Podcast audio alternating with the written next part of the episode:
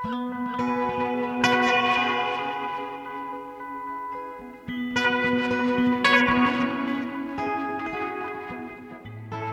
hans Sverris, gerfigreind og skaldkonur fyrir alda. Í dag er 16. november sem þýðir að það er afmælistagur Jónasar Hallgrímssonar og dagur íslenskrar tungu. Á degi íslenskrar tungu hefur skapast hefð fyrir því að fagna með fjölbreyttum hætti um allt land en markmið dagsins er að minna á mikilvægi íslenskrar tungu og fagna sögu hennar. Á þessum degi eru einnig veitt verlaun Jónasar Hallgrímssonar og einnig sérstök viðurkenning fyrir störf í þáu íslensk máls. Og nú fyrir skemstu voru verlunin afhend við hátilega aðtöfni í þjóðminnesafni Íslands. Og það gleður okkur að tilkjana það að þessu sinn er það Arnaldur Indreðarsson, rítöfundur sem að hlítur verlunin og sérstakka viðurkenningu hlítur Vera Íllóðadóttir, dagskrágerðar kona hér á Ríkisútvarpinu. Við óskum þeim báðum innilega til hamingi með verðskuldaða viðurkenningu. Og þá að efni þáttarins í dag. Við höldum áfram að glugga í bækur skaldkvenna með Þorgerði Ásu og Magnu Þurriði Yngvarstóttur. En Magniða Þurriður heldur út í Facebook síðunni Tóvan þar sem hún vekur aðtikla á ljóðum skaldkvenna 19. aldar. Í þetta sinn að ræða þær stöllur um ólínu Jónastóttur frá Silverastöðum í Skagaferði. Snorri Rafn Halsson, dagskrágerðamadur og tekstasmiður í Vínarborg, hann heldur áfram pislaröðsinu um möguleika og ómöguleika tækninar. Í þetta skiptið eru þjarkar, vjelmenni og gerfegreind til umfjöllunar. Hvaða lögmál gilda um slíka tækni og hvernig má hafa stjórn á hanni? Á dögunum kom út skaldsaga sem kallast Konan hans Sverris eftir valgerði Ólarsdóttur en þetta er fyrsta bók höfundar. Sagan fjallar um ofbeldi og hvernig það næra skjóta rótum á lúmskan hátt. Við ræðum við höfundin hér á eftir. En við byrjum í heimsókn hjá Magnu Þurriði Yngvarsdóttur sem að heldur út í Facebook síðunni Tóvan.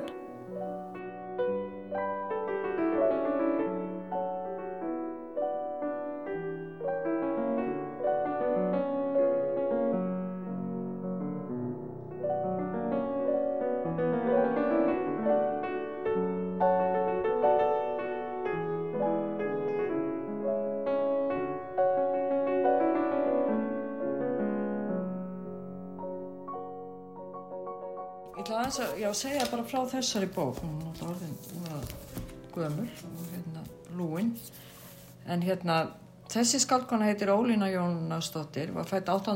april 1885 frá Silverastöðum í, Skagafyrði bókin sem ég er að tala um núna þetta er stóra mikil bók og bókútgáð Norðrík gefur hann út Já.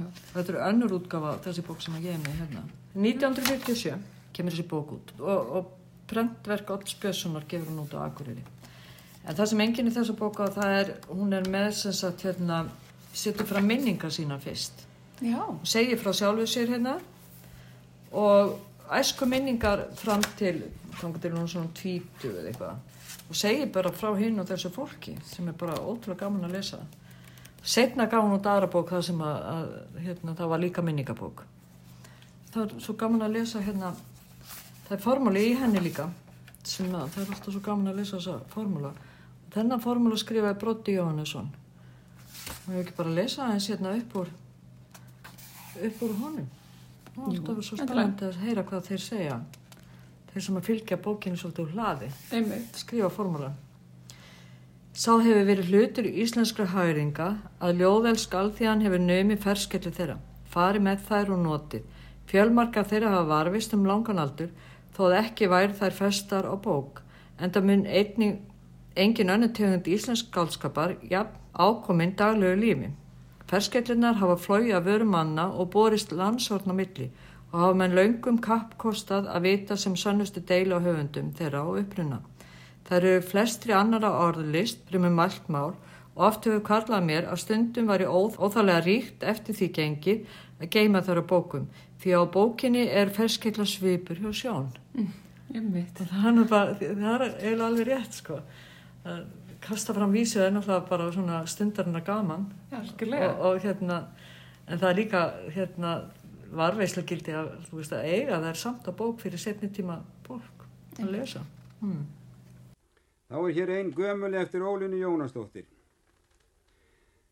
Og frelsi stundir fáar á, fargi undir hörðu, gröm í lund með í gráttna brá, gref mitt pund í jörðu. Hér erist í Andrisi Valberg á upptöku ríkisútvarpsins frá árinu 1964. Helga Kress skrifar meðal annars eftirfarandi um Ólínu í bókinni Stúlka, ljóð eftir íslenskar konur. Ólína bjó alla æfi í Skagafyrði ef frá talin sömarvist á Laxamýri þegar hún var ung stúlka.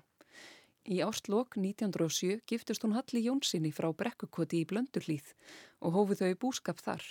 Þau egnust eitt svon en Hallur druknaði í héraðsvötnum sömarið 1909 eftir tæplega tveggjar á hjónaband.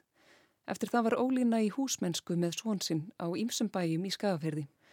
Síðari hluta æfinar átt hún við mikla vanhelsu að stríða og var langt völum á sjúkrahúsi. Frá árunni 1928 bjó hún á Sauðarkróki með sambilismanni sínum Guðmundi Guðmundsinni og þar lést hún 29. ágúst 1956. Ólína naut lítillarmentunar í æsku en var vel ritfær og sískrifandi alla æfi. Hún var landsfræg fyrir nittnar stökur en eftir hann að liggja einni kvæði og merkar frásagnir. Árið 1946 gaf Brotti Jóhannesson út endurminningar hennar Ég vitja þín æska á samt nokkrum stökum og kom bókin út í annar útgáfu árið eftir. Ólína jók síðar við endurminningar sínar og voru þær gefnar út löngu eftir lát hennar árið 1981 undir nafninu Ef hátti let í strömnið hérraðsvatna. Þar eru stökurnar feldarbrott. Hvæði frá síðustu æfi árum Ólínu eru til í eigin handriti á handritadeild landsbókasafts. Já, Ólína Jónasdóttir er í ætti fram af hagaringu komin og mætti telja hvern ætliðin af öðrum og tjá bragasnilli hans en ekki mynd það gert hér. Foreldrena hennar sem hún sjálf hefur af einri þörf, bundið, hugsanir, kendur og atviki rímamál en án þess að higgja á að skapa bókmentir. Það, það, það er bara sko, en samt auðvitað er þetta bókmentir. Já, Svo hvað er, er þetta eitthvað annað en veit. Það hefur eitt þátturinn í andadrætti ólinu að fella mál í rím og stöðla og þegar andadrátturinn er litaði blóði er ekki að fyrða þó að hann verði í einhverjum frábriðum því sem almennt gerist. Ólinu mun aldrei hafa ætlað sér að byrta á prenti neitt að hverskap sínum. Enga síður hafa ýmsa stökur hennar byrst í blöðum og tímaritum en jafnan án veitundar hennar og samtykkis. Þykir mér því rétt að gera nokkuð grein fyrir útkomið bókar þessari. Þetta er mjög dramatíst orðaleg þegar andardrátturinn er litaður blóði. Já, það er, svo gaman að lesa hérna formálun oft í bókunum því að þeir, þeir eru sko hérna bara skálskapar í sjálfum sér líka og, og skemmtilega orðaður oft. Einmitt. En já, er áhugast hann skulle ég segja, hún hafa ekki alltaf sér að gefa nýtt út en svo hérna... Já, og svo ætla hann að segja það hérna alveg á þreymir blassið, mér hefur aðeins að fara í það, skoða. Já. Þegar Ólína var 60 og síðslunum vori var farið með nokkra vísur eftir hana í útvarpið. Henni var lítið um það gefið og voru þær því vísur einar fluttar er vinir hennar kunnu. Áður hafði ýmsir útgefundur falast eftir hverskap hennar en nú settust þeir að henni sem myrkrahöfningin að kvíklundu hjarta og kröðust þess að hún seldi þeim sáli sína. En Ólína var först fyrir og vísaði hvers konar freystingum og bög. Var mér vel kunnut um þetta og hafði ég nokkra ástæði til þess að ræða við hana um málið án þess að hvetja hann eða letja. Þó kom svo tal okkar að hún leiði mér að nýsast í skruttur sínar og kendi þar í mis að grasa. Nú er þess að geta, Ólína hefur um mörg undanverðin ár verið sjúklingur og heimilisöst á söðakróki. Til dagrastýttingar hefur hún skrifað niður hjá sér ymsam fróðleik, skrítlur og stökur eftir hinn og aðra og síðast en ekki síst nokkuð að hveðskap sínu sjálf og minningabrótum. Í hverju einu þessi skráð voru drög að kaplanum um vist ólínu á Laxamýri og gamlar hestavísur var eignið dagbókakabli. Ég tók þegar að gnæslast eftir slíku efni og varð ólína að fá við, en það hafði hún ekki ætlast til að þetta kemi mér í hendur. Í hvað einstækt að hún hefði skrifað dagbækur og gat hún ekki neyta því. Hún hefði gert það á sjúkrósinu en brentar allar því hún kísi ekki aðrir myndi nýsast í þær. Vá, það er ekkert annað. Þetta er nefnilega oft hérna, enginni á 19. aldar skaldkonum og, og alltíð skaldum, það bara brendu efnið sín. Já.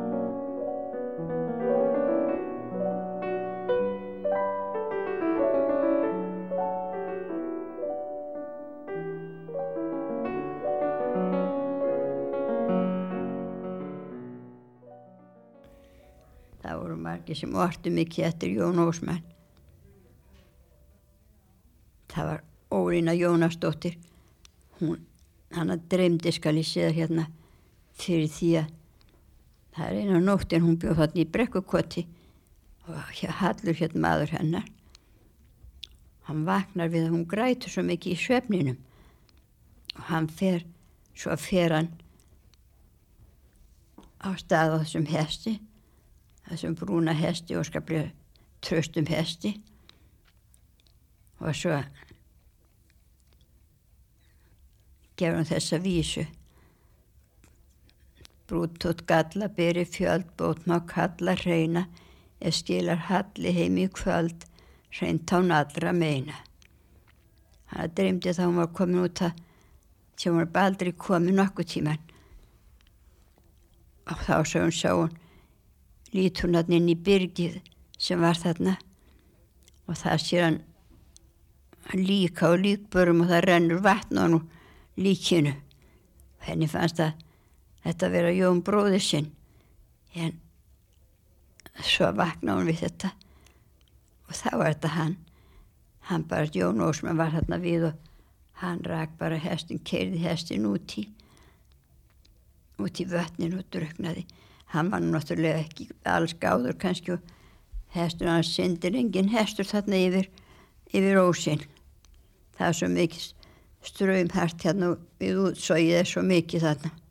Hér herist brotur upptöku segulbandarsapsins frá 1985 þar sem Vilhelmína Helgadóttir fætt 1894 segir frá meintu berðreimi Ólínu Jónasdóttur í sambandi við andlát ferjumannsins Jóns Magnússonar Ósmann og fór jafnframt með ljóð Ólínu sem hún orti eftir þennan vinsinn.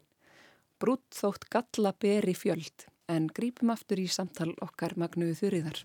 Sko hún fær hérna glimrátt í dóma og hérna á einn blaðsíðin á kápunni þá kemur fram, það eru margir sem eru, vilja lifta ljóðunum hennar upp og, og, og hrósenni fyrir. Á þessa leið dæma lesendur um Ólínu og bókina hennar, hefur ekki aðeins að kíkja það? Mm -hmm. Þorstein Jónsson, rítumundir skrifar Mér finnst hún að sitja í sólskinsbletti í hlýðinni sinni. Sólskinsbletti sem stafar fór gleð þeirra er að hafa nú ánægja að lesa þessa bók. Þetta er velskrifi bók algjörlega látlaus í stíl og frásagnaræti og að velvilja í allra garð. Vísir 8. november 1946. Brynjálu Sveinsson, mentarskólakennari. Máttu að skapanortnir spunnu ekki gulllega silfur sína við veggu hennar en þær gáðin aðra gjörð. En sætt hefur margan ísletting annan en Egil Skallagrimsson við kröpp kjör og þunga harma. Strengirnir í hörpunu hennar ólinu eru fáir en þeir eru ófalskir og svíkja engan. Þeir eru snúnir við skinn, vorbjartra nótta og í húmi langra vetrar kvölda og ljóðþustum hug íslenskrar alþýði frá upphafi Íslands byggðar. Fólkin 15. november 1946. Það er ekkert annað. Já, þetta er ótrúlega fallega sagt. Já. Ha. Já. Svona heldur þetta áfram. Já. Þurfum ekki að heyra stökum? Þau hefur ekki að gera það. Ha. Hérna, þetta er að koma núna. Já, en er að koma vetur. Hugan gleður heldur fátt, hroll að mönnum setur. Út er kallt og orðið grátt, en er að koma vetur. Og svo er á sömu blassu hérna ástir. Mig hefur lífið mörgurænt ef minnst er fornra stunda, en alltaf get ég að mér hænt ástir katt og hunda. Já. Það er ekki þetta þessir, þessi er svolítið fallið hérna. Dala þrá. Er ég sjávar svalan finn og svigna stráin kalinn, hljóður þráir hugur minn heim í lága dalinn. Gafstar margt sem glætti fríð, gleymdust svartar nætur. Drauma bjarta dreymdi við, dalsins hjarta rætur.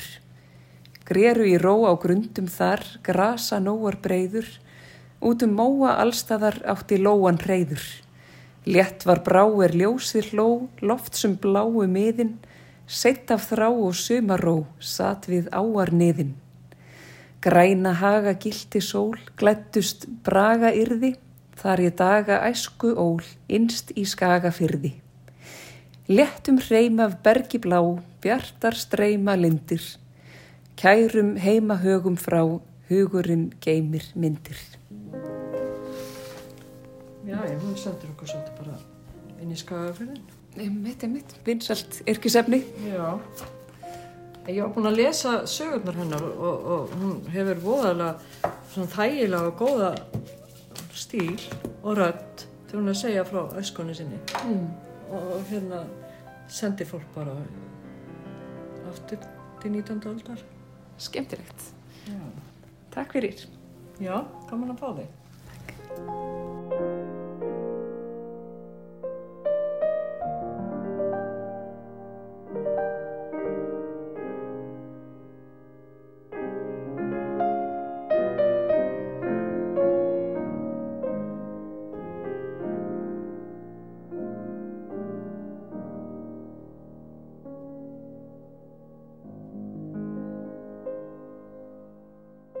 Pianotónar Erik Parkin fylgdu hér á eftir umfjöllun Þorgerðar Ásu um Ólínu Jónasdóttur þar sem hún rætti við Magnu Þurriði Yngvarsdóttur. En þá yfir í taktfastari tóna, Snorri Rafn Halsson tekur nú við.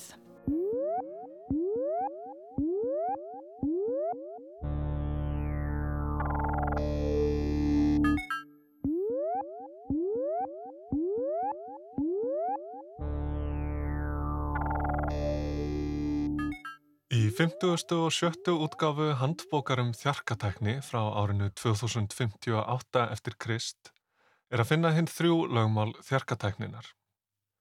Þau eru nokkuð einföld. Það fyrsta hverður á um að þjarki eða vélmenni megi korki valda mannesku skada nýja með aðgerðaleysi sínu leifa mannesku að verða fyrir skada. Annað lögmálið hverður á um að þjarki skuli ávalt hlýða skipunum frá mannesku nema þegar slíkar skipanir stangast á við fyrsta lögmálið. Þriðja og síðasta lögmálið kveður svo á um að þjarki skuli ávalt vernda eigin tilvist, svo lengi sem það stangast ekki á við fyrri lögmálin 2.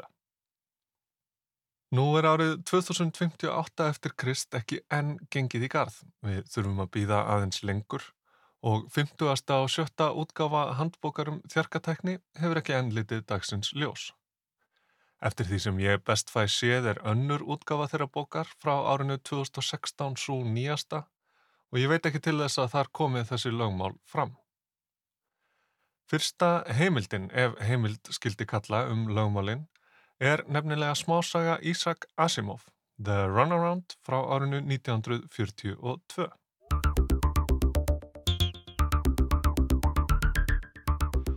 Í sögunni eru geimferðalangarnir Powell og Donovan stattir á Merkuri á samt háþróaða vélmenninu Speedy. Ætlum þeirra er að endurvekja yfirgefna námu en til þess að lagfæra sólarsellurnar sem gera þeim kleift að aðhafast á Merkuri þurfa þeirra ná sér í 1 kíló af seleni. Efni sem í sögunni má finna í miklu magni á yfirborði Merkurs. Næsta selen lögin er 17 mílur í burtu og sendir Donovan Speedy í þetta bráðnöðsynlega verkefni því hann getur betur staðið af sér hittan á Merkur en ósvo döðlegu mennirnir sem er ekki sér hannaðir til þess. Eftir fimm klukkustunda byð bólar hins vegar ekkert á Speedy og þeir kumpánar verða órólegir. Hvað fór eiginlega úrskiðis? Þeim tekst að endurvekja gömul vélmenni sem skílinn höfðu verið eftir og fara að selinlöginni í gegnum námugöng og þegar þeir loks hafa upp á spíti virðist vélmennið drukkið. Það ráfar um í óráði og vittnar í Gilbert og Sullivan. Powell áttar sig fljótlega á því hvað veldur. Selenlögin er hættuleg spíti sem var svo dýrt í framleiðslu að það hefur verið skrúfað upp í þriðja lögmálinu í vélmenninu. Spíti hættir sér ekki of nærri löginni og er fastur í vítarhing þar sem það reynir samtímis að hlýða skipun Donovan og vernda eigin tilvist. Þegar það fjarlægist lögina, minkar hættan og Spíti reynir að hlýða skipuninni og sækja selin, en þegar Spíti nálgast selinnið, tekur forreitaða sjálfsbergar viðleiknin við og Spíti hörvar. Spíti verður svo ringlað af þessu öllu saman að það er ófært um að taka við nýjum skipunum og allt stefnir í að þess býði sömu örlög og astna búritans úr hugsunatilrauninni sem getur ekki ákveðið af hverjum heipaganum hann skuli geta og deyr því úr hungri. Sama hvað Donovan og Powell reyna þá náður ekki að raska þessu óheppilega jafnvægi og ekki komast þeir nógu nálagt löginni sjálfur. Að lokum neyðist Powell því til að stopna sjálfum sér í hættu í harneskulegum hitanum á merkur til þess að virkja fyrsta lögmálið í spíti. Lögmálið um að þjarki megi ekki með aðgerðaleysi sínu valda mannesku skada. Þetta lögmál trompar hinn. Spíti losnar úr ringavittlusinni og bjargar Páel, þeir fá selinnið og allt fer vel að lokum.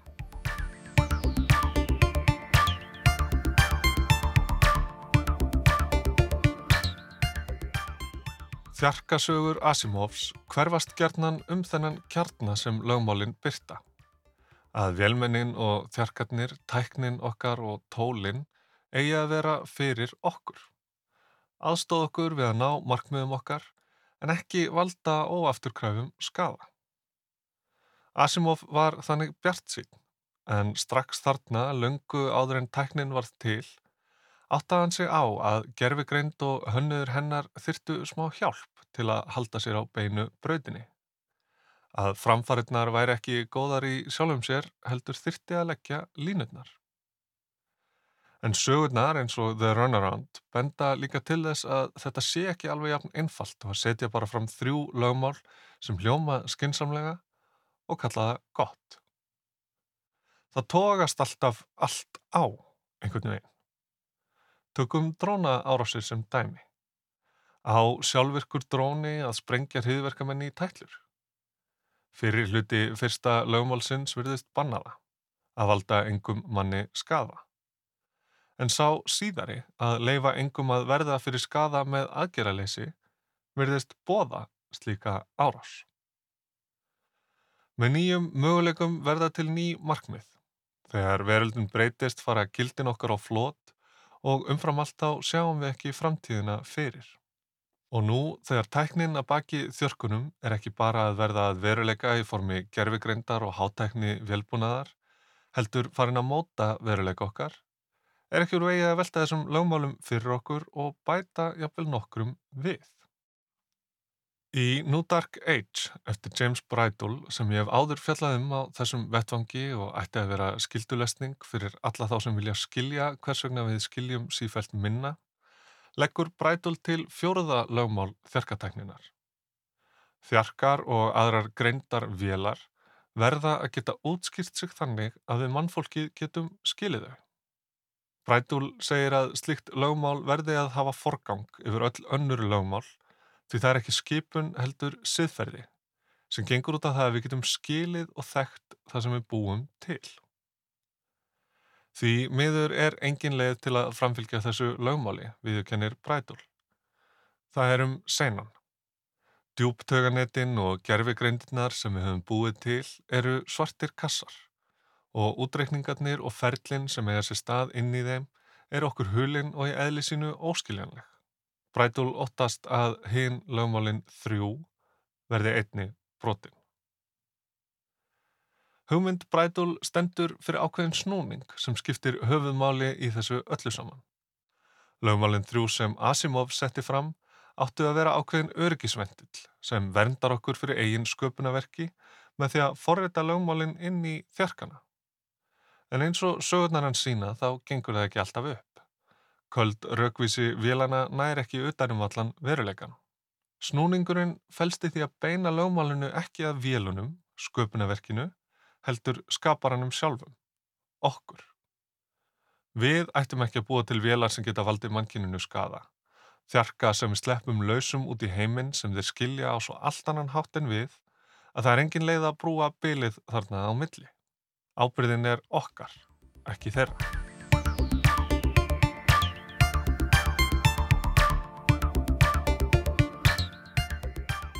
Árið 2058 eftir Krist er ekki enn gengið í garð og ekkert bólar á 50. og 70. útgáfu handbókar um þjarkatekni sem leggur línurnar fyrir gerfigreind vélmenni og þjarka framtíðarinnar.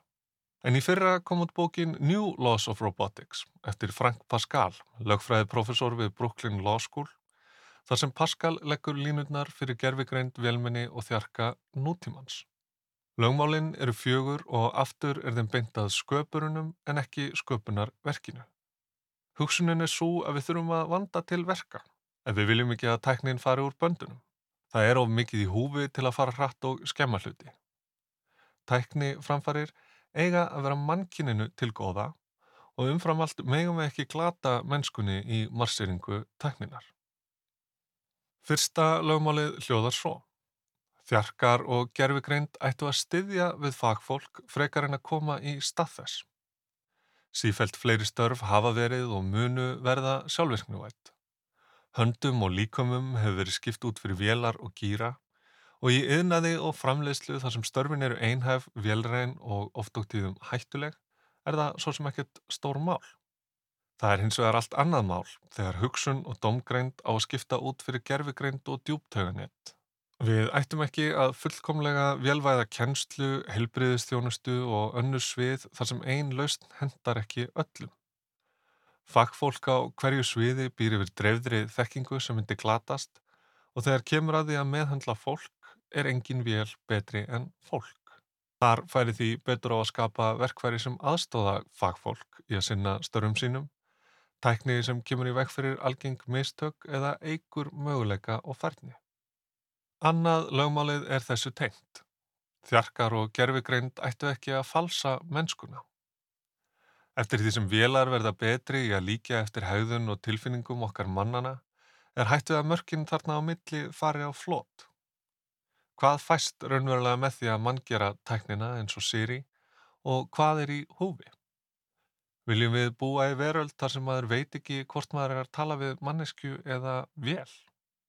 Þriðja lögmálið gengur út á að þjarka og gerfigreind skuli ekki nota til að magna upp vopna kapplaup þar sem ávinningur eins er tap annars. Slík ofur samkeppni er líkleg til að valda því að við missum ekki bara stjórnina heldur sjónar af því sem skiptir máli. Óréttlætanlegustu aðtapnir mannkinsins hafa verið réttlættar í nafni gróða, valda og yfiraða og það gefur auga leið hvernig slík markmið riðja burt öðrum gildum sem ættu að vera í hávegum höfð. Fjóruða og síðasta lögmál Pascals um þjarkatækni snýra því að þjarkar og gerfigreind skuli ávalt gefa til kynna hver skaparið þeirra er, hver stýrir þeim og hver á þau. Það er alltaf hætta á að tæknin fari úr böndunum og þegar hún gerir það getur verið erfitt að finna ábyrðinni stað. Er það tæknin eða eigandin, hönnuðurinn eða viðfangið sem ber ábyrð á niðurstöðinni? Það skiptir öllu máli að þeir sem þróa tæknina og þeir sem beitinni séu ábyrgir fyrir afleggingum hennar. Tei Twitter-vélmenni Microsoft varðað grófum hvenn hinsegin og gýðingahattara á örskot stundu þegar því var sleppt út í heiminn. Ef Microsoft hefði átt á hættu kæru fyrir hatturs orðræðu er nokkuð vist að forritararnir og hugbúnaða verkfræðingarnir hefðu farið varlegar í verkefnið og beitt smá domgrend á hvað og hvernig tei tilengaði sér nýja þekkingu í stað þess að sleppa því bara lausu og horfa svo upp á allt fara í klessu. Þessi fjögur lögmál eru auðvitað ekki fullkomin og eflaust muniðu einhver tíman stangast á eins og lögmál Asimovs og jafnveil er of senkt að beita sumum þeirra, eins og lögmáli Brædúl. En tekinn saman virka þessi fjögur lögmál sem nokkus konar bremsa á teknina. And hraðall í veröld sem annars gengur út á að hraða öllu sem mest, gera allt um leið og það er hægt, án þess að skeita endilega um afleggingarnar. Á tímum þar sem viðstaða er erki óvinnur þeirra sem móta hvert við stefnum, er þetta einmitt það sem við þurfum. Smá manngerður núningur sem býr til andrými og krefst þess að við förum varlega, gaggjert til þess að við getum haldið áfram. Við erum ekkert að fara að stoppa því framtíðin er núna. Framtíðin er núna og það er ekki tæknin sem skapar hana, heldur við. Wir laden unsere Batterie. Jetzt sind wir voller я зеки роботер.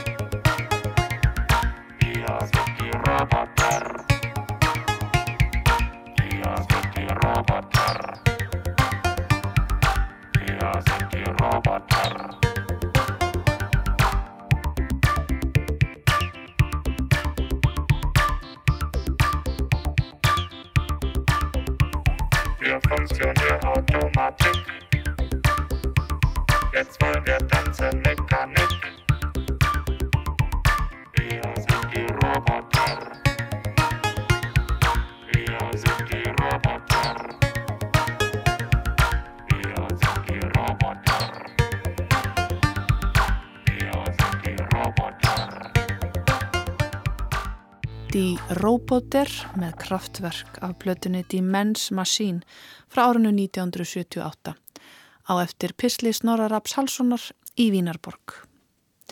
En þá er verið bókmyndirnar. Það kom út ný skáldsaga, nýverið, Konan hans Sverris kallast hún og er eftir Valgerði Ólafsdóttur. Konan hans Sverris fjallar um Hildi sem að er ný laus úr erfiðu hjónabandi. Þetta er saga af ofbeldi og hvernig ofbeldin er að skjóta rótum á lúmskanhátt. En í sögu Hildar býr margt fleira og þetta er líka saga því hvernig Hildurinn er að losa rætur ofbeldisins og vaksa á ný. Við skulum byrja því að heyra höfundin lesa stutt brot úr bókinni.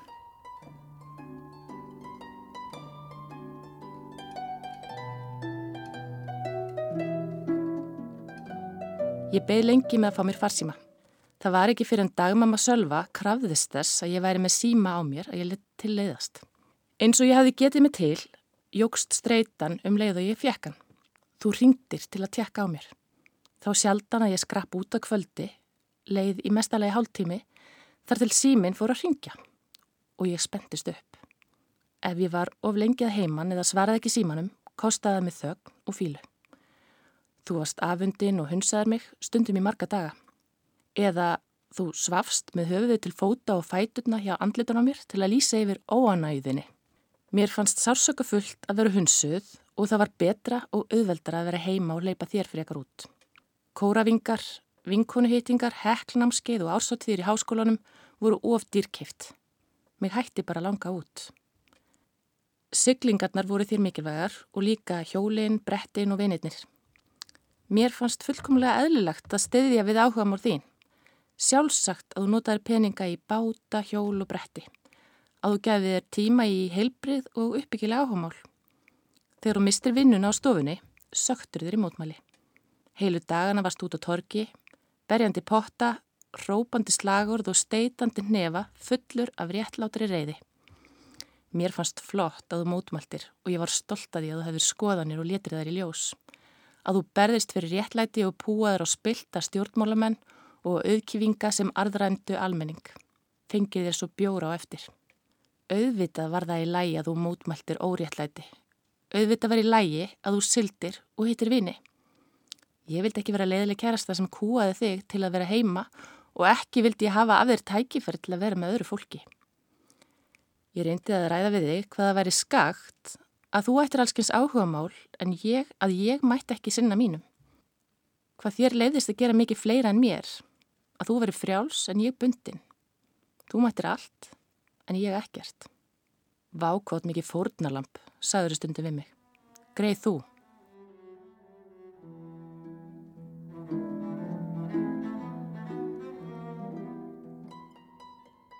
Velkomin í Víðsjá, Valgerður. Takk, takk fyrir að bjóða mér.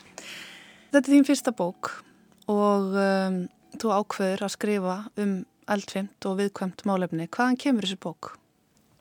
Þessi saga, hún kröymaði inn í mér, ég fann ég gætt sagt hana og mér langaði til þess að, mér fannst vanta þessa sögu, sögu konunar sem að býr í óheilbreyðu, eitriðu sambandi og er föst og treystir sér ekki út. Segð mér frá aðalpersonu, hver er Hildur, hans verðis? Hvernig kona er þetta? Hildur er óskup vennileg kona, hún er félagsáðgjafi og hún var áður í listnámi, þegar tvo sinni, hún Sverrir og hún er, já, bara svona óskup vennileg kona sem hún mætir í búðinni. Ábyrg og dugleg og á yfirborðinu virðist allt í lagi hjá henni. Það sést ekkit utan á henni hvernig aðstæður eru heima hjá henni. En svo er svo sannarlega ekki allt í lagi heima hjá henni og það er það sem við kynnumst hægt og rólega í sögunni, þetta, þetta falda ofbeldi. Já, já, því að Hildur og Sverrir þau áttu í 17 ára sambandi sem að var óheilbrygt og í sögunni þá uh, Hildur segir söguna og hún ávarpar Sverri. Í rauninni er þetta hennar frásögn. Og hún lítur, hún er komin út úr sambandinu þegar hún segir þessa sögu og lítur tilbaka. Og þá sér hún minstrin sem að hún var sennilega blind á þegar hún var föst. Það er svona hægt og rólega Já. kemur í ljós Já. þessi leindu munstur sem við kannski tökum ekki eftir. Já, Þú ert svona að kynna fyrir okkur þessar aðstæður og hvernig svona hlutur getur gæst. já, hvernig fólk festist hægt og rólega í óheilbriðum minstrum og átt að sig ekki á því. Einmitt og eins og segir Hildur er þarna ung og klár og sjálfstæð, fer út í nám og virðist eiga framtíðina fyrir sér og þá sogast hún inn í kynnist hún sem manni og sogast inn í, já, í rauninni bara samband sem að eitrar allt hennar líf, er ekki hægt að segja það? Jú, það má segja það. Að minnst okkarstu þegar hún lítur tilbaka, þá sér hún það. En á sama tíma lýsir hún því hvernig að á meðan hún var í sambandinu reyndi hún auðvitað alltaf að segja á börtu hliðanar. Því að í lífinu skiptast á skein og skúrir. En það sem einkennir ó, óheilbrið sambönd er nú oft það að, að skugga hliðarnar á sambandinu eru fyrirferða meiri heldur en björtu stundunar. Þú hefur starfað sjálf lengi sem sálfræðingur, ert sálfræðingur. Já, ég er skólasálfræðingur, eins og skólasálfræðingur. Þú ert að reyna að skilja þarna mannlegt eðli, er það ekki, eða hvað? Hvena fórst að hugsa um það og þurftir að segja frá því hvernig svona, já, ofbeldi sem ekki sést utanfrá verður Já. til? Já, ég hef auðvitað séð eða heyrt þessa sögu marg oft og víða og uh, í starfi mínu sem sálfræðingur að þá eru við auðvitað, eða ég alltaf að reyna að skilja hvað hérna, hvað það er sem að kannski við heldur eða veldur hegðun eða líðan sem er þessar hegðun sem að hamlar fólki sem að, sem að kemur í vegferða blómstri. Og, og hérna og þá skoða maður hvaða, hvað býra baki kannski hvernig umhverfið er hvaða, einhverjir það er eitthvað sem við heldur og eskilugum munstrum og eins hver lífsreynsla fólks er hvaða er með í farteskinu. Af, því að, af því að lífsreynsla og það sem að fólk sem fylgir fólki úr fortíðinni hefur oft áhrif á hvernig það bregst við í, í aðstæðum, erfiðum aðstæðum. Og eins bara hvaða færni skortir, svona nú tala ég hérna, eins og sálfræðingur og ég er alltaf að pæla í hvað þarf þessi manneski að læra til þess að hérna, komast út úr vítarhingnum eða finna leið til þess að blómstra. Og ég held að sagan fjallidaldið um það og að Hildur er að velta þessu fyrir sér á einhvern hátt. Hvað, hvað það er sem að festana og, og, og, svo, og svo kemst hún út. Já, hann er aldrei reyna að skilja bara hvernig hún festist í þessum aðstæðum. Já. og til að mynda þá er mitt þú talar um æsku og svona aðstæður sem við lendum í, það kemur í ljós að hún varð fyrir áfalli í æsku til dæmis. Já, hún ber það með sér og það mótar ábyggilega viðbröðanar. Það er allavega það sem svona, hún sér í baksinnspeglunum átt að sá því að líklega var það þannig að, að hennar viðbröð mótuðust af því að hafa mist föðu sinn í æsku. Og þetta er eina áfalli sem við fáum upplýsingar um í þessar sögu en, en oft er fólk með kannski mörg áfall í fartiskinu og, og, og þá þarf jafnvel minna til að laska og beigja og brjóta fólk niður. Því að áfalla saga er oft þannig að hérna, því fleiri áföll því, því viðkomar verður fólk fyrir nýjum áföllum. Og í sögun er líka talað um, eða svona á, þó að orðið áfallastreita sé ekki nefnd í sögunni að þá þarf hún að takast á við enginni áfallastreitu eftir sambandið og fara í, áfalla, í meðferð áfallastreitu. Og hérna það er alveg svona vel þekkt af, af eftir að þeirra fólk fyrir áfalla meðferð það voru ótt að vinna með mörg áfall. og svo er þetta það líka bara ekki það að vera í ykkurum aðstæðum sem eru bara jafnvel lífsættulegar Mm. heldur um, þetta að vera alltaf að reyna að skilja af hverju, mest það kom svo skýrt fram í bókin, hún er ekki bara að reyna að skilja sínar eigin aðstæður, heldur hún líka að reyna að setja sig í spór þess sem að beitir hann ábeldi og reyna að skilja af hverju hann gerir það Já, og það er þessi klassiska spurning hvað veldur að svona sætur, sjarmirandi, frábær maður breytist í hennar hrotta sem hann bara verðist vera einmitt. Já, hún reynir að skilja það. Og það er kannski það sem heldur henni í sambandinu, mögulega. Þau þetta verða ástfangin og hún elskar hann og þau mynda náið, þarna, eh, þau eru í nánu sambandi og það er erfitt fyrir fólk að sætta sig við og, og, og skilja og kannski bara falla hægt að skilja að manns nánasti aðstandandi uh, vilja mann ekki vel eða sé vondur við mann. Þannig að ég held að Hildur sé eins og margar, margar, margar aðra konur að hún reynir að réttlega þetta að útskýra og, og taka ábyrð á hegðun Sverris Akkurat. og bera það ábyrð að, að hún bera ábyrð á hans líðan og hún bera ábyrð á hans hegðun og svo reynir hún að útskýra og afsaka. Til þess að setja sér hans spór sem er svo eðlilegt og heilbreykt Einmitt. en kannski ekki heppilegt þegar að fólk er fast í aðstæðum sem að brjóta niður. Akkurat og þar komum við inn á kannski sambandi líka við móður hans, það er svolítið sérta samband sem hún á við tengdamóður sína, finnst það vera svolítið lýsandi líka verið þetta þegar hún er reyna að réttlæta uh, hvernig hann haga sér, sækir í hans uppbeldi, hún er alltaf reyna að finna, Já. finna einhverja ástæður og móður hans virðist gera það líka Já, og allt í hennu eru þær báðarordnar eins og mæður hans. já, einmitt og Hildur sér það svona eftir á já. þegar hún lítur tilbaka að, mögulega þá gekkur núnum bara nánast í móðurstað frekar heldur en að vera eiginkona. Mm uh, reyndi að elska hann skilir þess löst eins og móðir og það gekk ekki upp hjá henni. Og svo er það líka þessi stóra spurning sem að sem að allir takast á við sem að þekkja þessar aðstæður, af hverju fór hún ekki?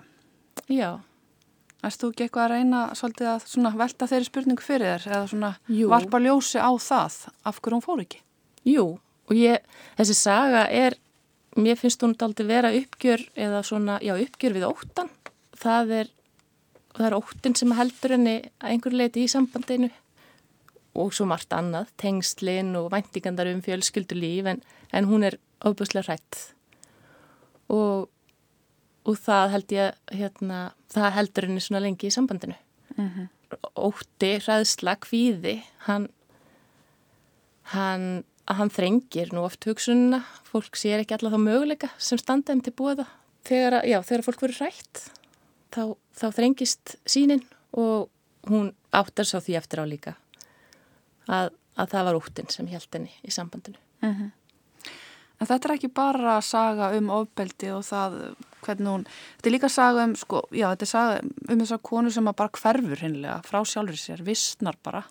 Já, en líka saga af því hvernig hún nær einmitt að sjá þessi munstur og byrja aftur að vaksa. Þetta er líka sigursaga, þetta er ekki saga um þólanda, heldur líka kannski saga um manneski sem að er í raun mm, á endanum sigurveri.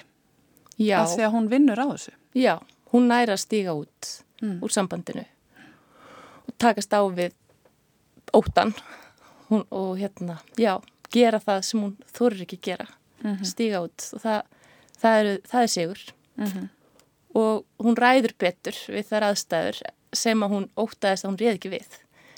Hún tekst á við ótan og ræður betur við hann en hún heldur hún muni gera.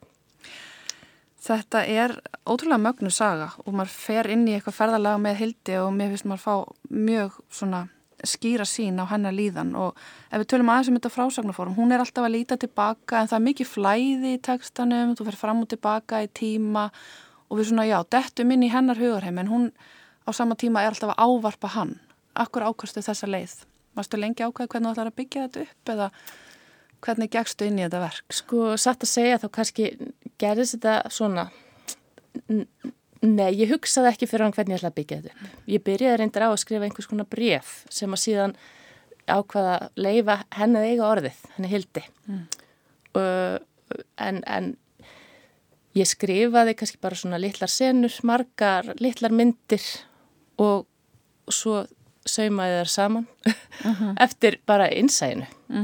Þannig að þetta var ekki útpælt e, uppbygging en mér fannst samt að, að því að við förum inn í hugahildar og hún á orðið og hún fær að eiga orðið og hún fær að tala, hún fær að ljúka mál sínu. Og það er kannski svona máttur bóka að þar fær ef að, ef að sögumæður talar í fyrstu personu þá fær hann að ljúka máli sínu sem fólk fær ekki endilega í daglegu lífi og, og Hildur fekk ekki að hún var þöggu niður í sambandinu.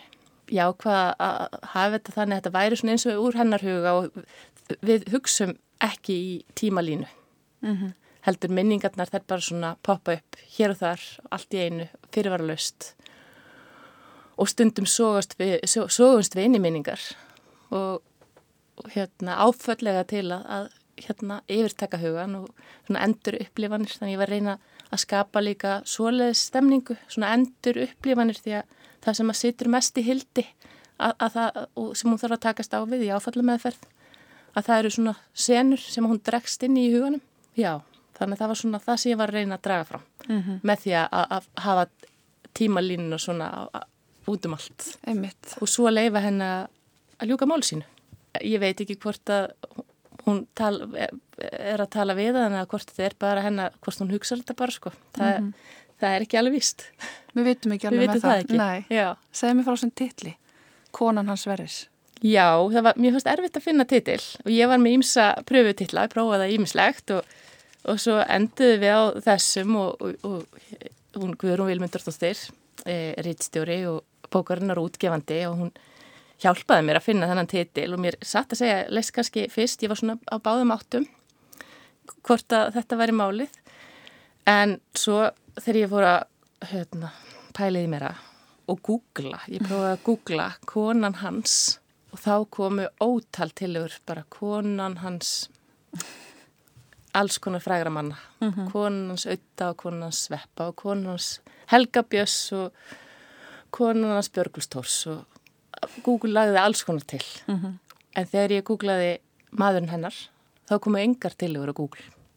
Ekki neynasta þannig að það er alveg augljóst að fólk leitar og googlar konan hans. Já. og, og þetta líka bara, já, við erum, hérna, þetta, þetta er svo, fólk er svo tamt, konans, eitthvað, Sverris, Mhm. fólk, já, kon, Hún talar líka, hugsa sjálf Já. um það í bókinni. að hún er sé- hans, Já. já. hún er konan hans Sverris og hún, hún, hún var það meiri svo eftirskilnað en það var nú lengi bara, það var hennar sjálfsmynd að vera konan hans Sverris. Mhm. Þannig að, já, þetta, þetta var góð lending á titli en það er ekki endilega sjálfgeð að finna, mér fannst erfitt að finna rétti titlin, sko. Mjög góð titill. En það verður líka að segjast þessi saga sem fjallar um sko, tilfinningulegt ofbeldi sem ekki sést, Já, sem ekki er sýnilegt en er alveg alvarlegt og það ofbeldi sem að er sýnilegt. Hún Hildur er ekki með glóðurauga en hún er með önnur sár. já, Og þetta er saga sem að á ansi vel við í dag verði að segja. Ertu ekki sammála því? Er, er tilviljun að hún skuli hitta beint í þessa umræðu í dag eða sem hefur auðvitað verið síðustu misseri en bara síðustu vikur hefur umræðan einkennst af já, það er Ofbeldi. þetta bara mikil skriða í gangi það, og ég er eflaust með í þeirri skriðu. Ég flýta að hafa orðið fyrir áhrifum að henni, þessari bylgu sem að, það sem að sem fólk vil tala um ofbeldi og, og hérna lifta upp þessum sögum og gera það sínilegar og, og hjálpa fólki að, að skilja og átta sig á því að hérna, já, hver, hvar, hvar ofbeldi leynist í samfélaginu og hvaða er kannski samfélaginu okkar sem að viðheldur ofbeldi, að því að það er svo margt í samfélaginu sem að viðheldur og þessi svona þöggun og fólk á svo erfitt með að sætta sig við og viðurkenna að góður vinnur að hann getur líka gert slæma hluti og þessi polarisering, þessi hu- hu- hugmyndum að, að fólk sé annarkvort gott eða vond. Þannig ég held að öll þessi umræða, ég, ég vona einilega að hún leiði til þess að, að við áttum okkur betur á því að alls konar fólk getur hagað sér á, á, á ósettanlegan hátt og að við sem samfélag getum líka haft áhrif á það hvort að það, það viðgengst eða ekki.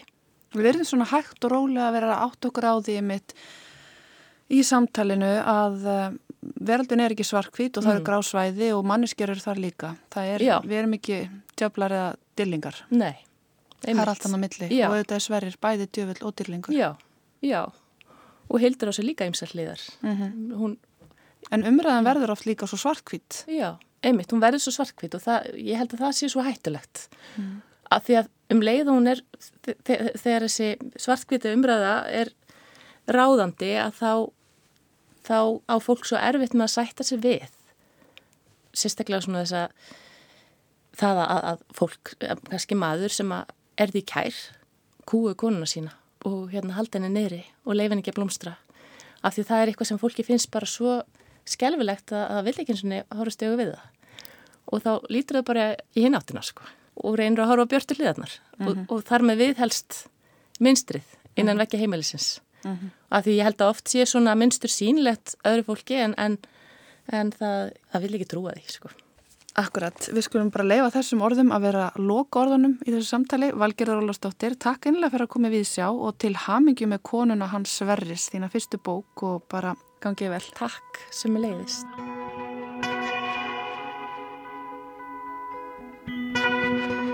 Og hér líkur við sjá í dag. Takk fyrir að hlusta og verið sæl.